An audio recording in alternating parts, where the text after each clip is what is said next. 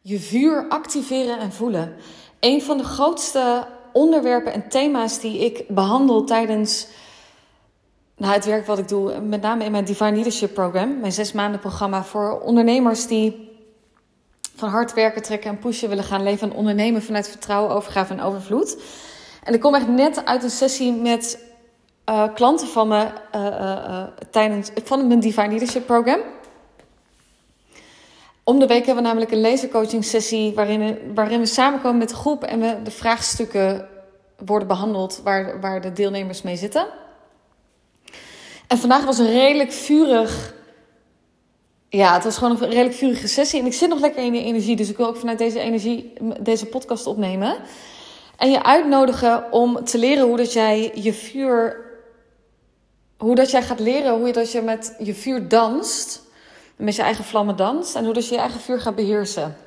Voor degene die me niet kent, ik ben René Westerbaan. Ik ben spiritueel mentor voor uh, ondernemers en ik help hen om van hard werken, trekken en pushen te gaan leven en ondernemen vanuit vertrouwen, overgave en overvloed.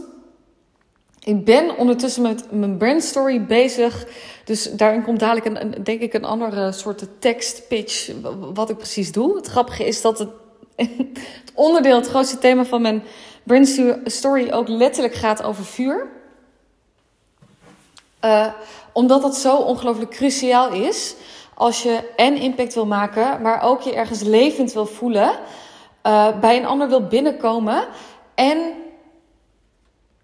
ja, een, een, een, een, een, ja, letterlijk de vrijheid wil creëren. Als, als je zeg maar de, de, de, naar het punt toe wil dat, dat je voelt dat jouw hemel de aarde kust. En dat, dat je letterlijk voelt van wow, holy shit, er is zoveel mogelijk voor me. Dan heb je je vuur nodig.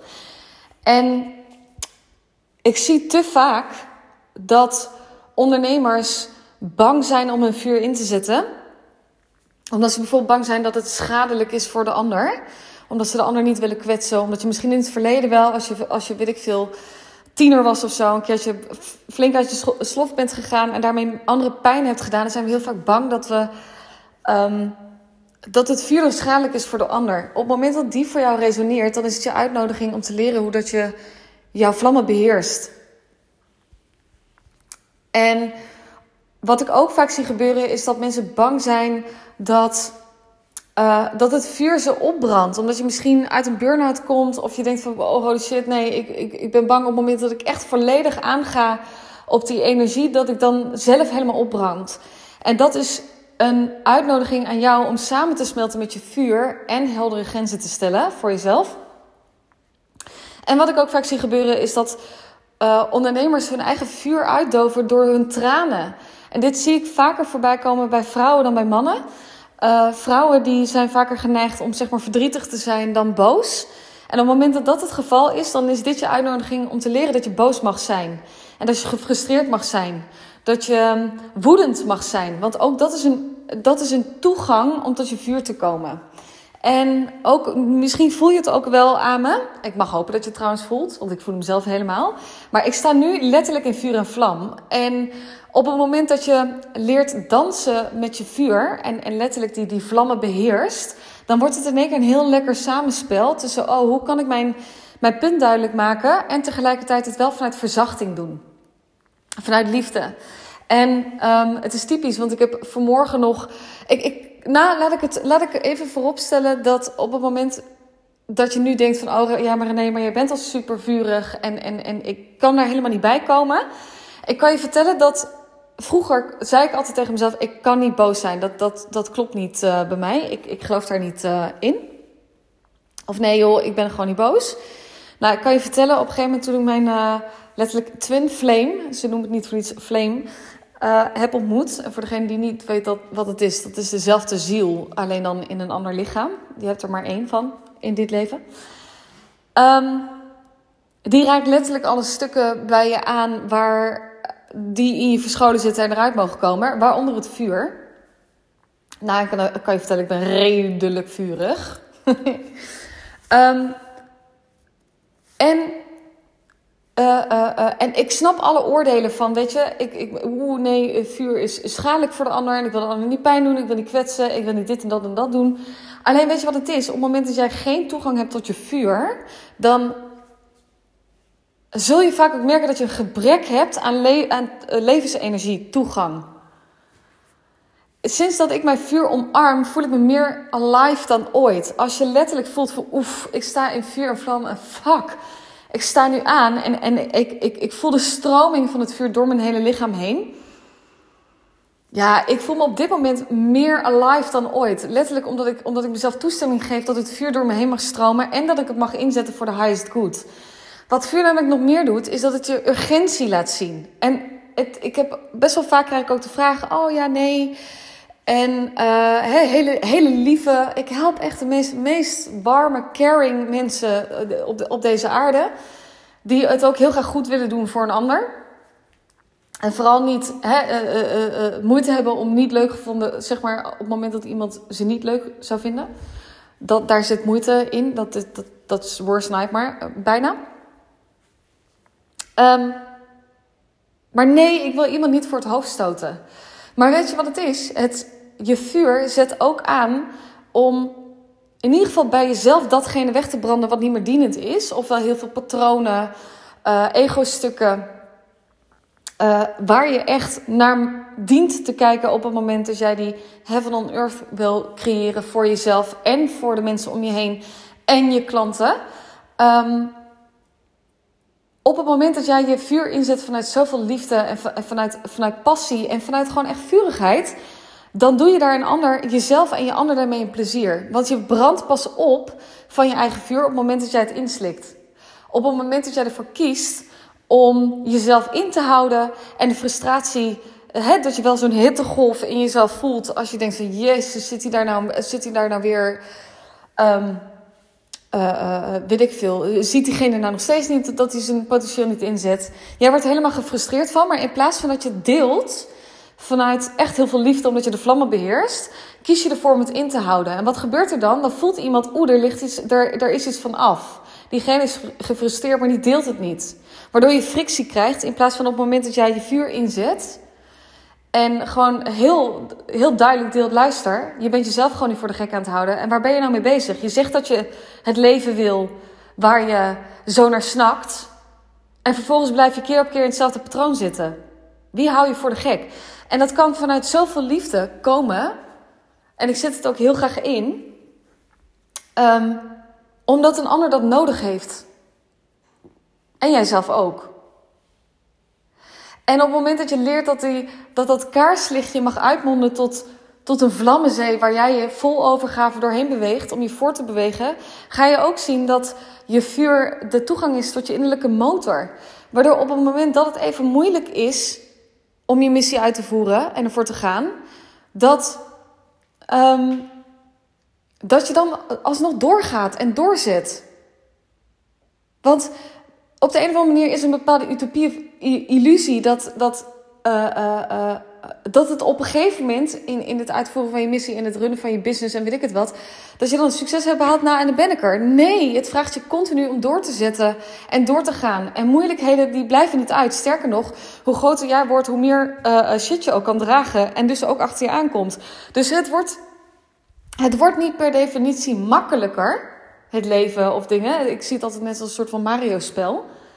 En ieder level, weet je, op het moment dat, dat je een level hebt gehaald, dan wordt het volgende level moeilijker omdat je het aan kan. Um, dus je vuur, connectie met je vuur, zorgt er letterlijk voor dat je geconnect bent met je eigen urgentie van de missie die je uitvoert. Ook met überhaupt waar jij van aangaat en, en, en, en, en wat je hier gewoon te doen hebt op deze aarde. En daarin doorzet. En dan denk je, ja, maar hé, hey, wacht even. Deze challenge komt nu op mijn pad. En als je mijn vorige podcast hebt geluisterd, over dat mijn grootste nachtmerrie werkelijkheid werd, over dat Dumpert verhaal. Ja, ik had op dat moment twee dingen kunnen doen. Ik had ervoor kunnen kiezen om mijn vuur uit te doven met mijn, met mijn eigen tranen. Van oeh, ja, het is de grootste nachtmerrie is werkelijkheid geworden. Maar heel eerlijk, ik heb geen traan om gelaten.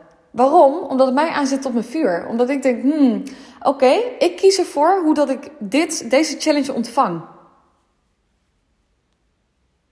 Want weet je, je hebt het niet altijd te kiezen wat het leven je voorschotelt, maar je kiest er wel voor op welke manier je het ontvangt en hoe dat je het inzet.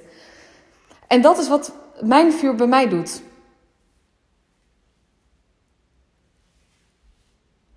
En ik pleit er echt voor dat jij meer toegang krijgt tot je vuur. Omdat het je en gewoon meer alive laat voelen.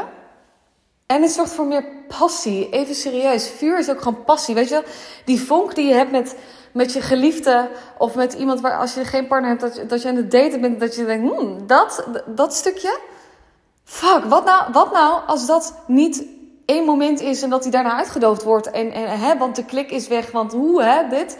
Nee, wat nou als je dat continu weer opnieuw mag uitnodigen? In jezelf, in je leven, in je, in je partner, in je, in, in, in je relatie, in weet ik veel, connectie met familie, met vrienden. Wat, dat, het is een keuze. En het vuur is daar zo ongelooflijk onderdeel van.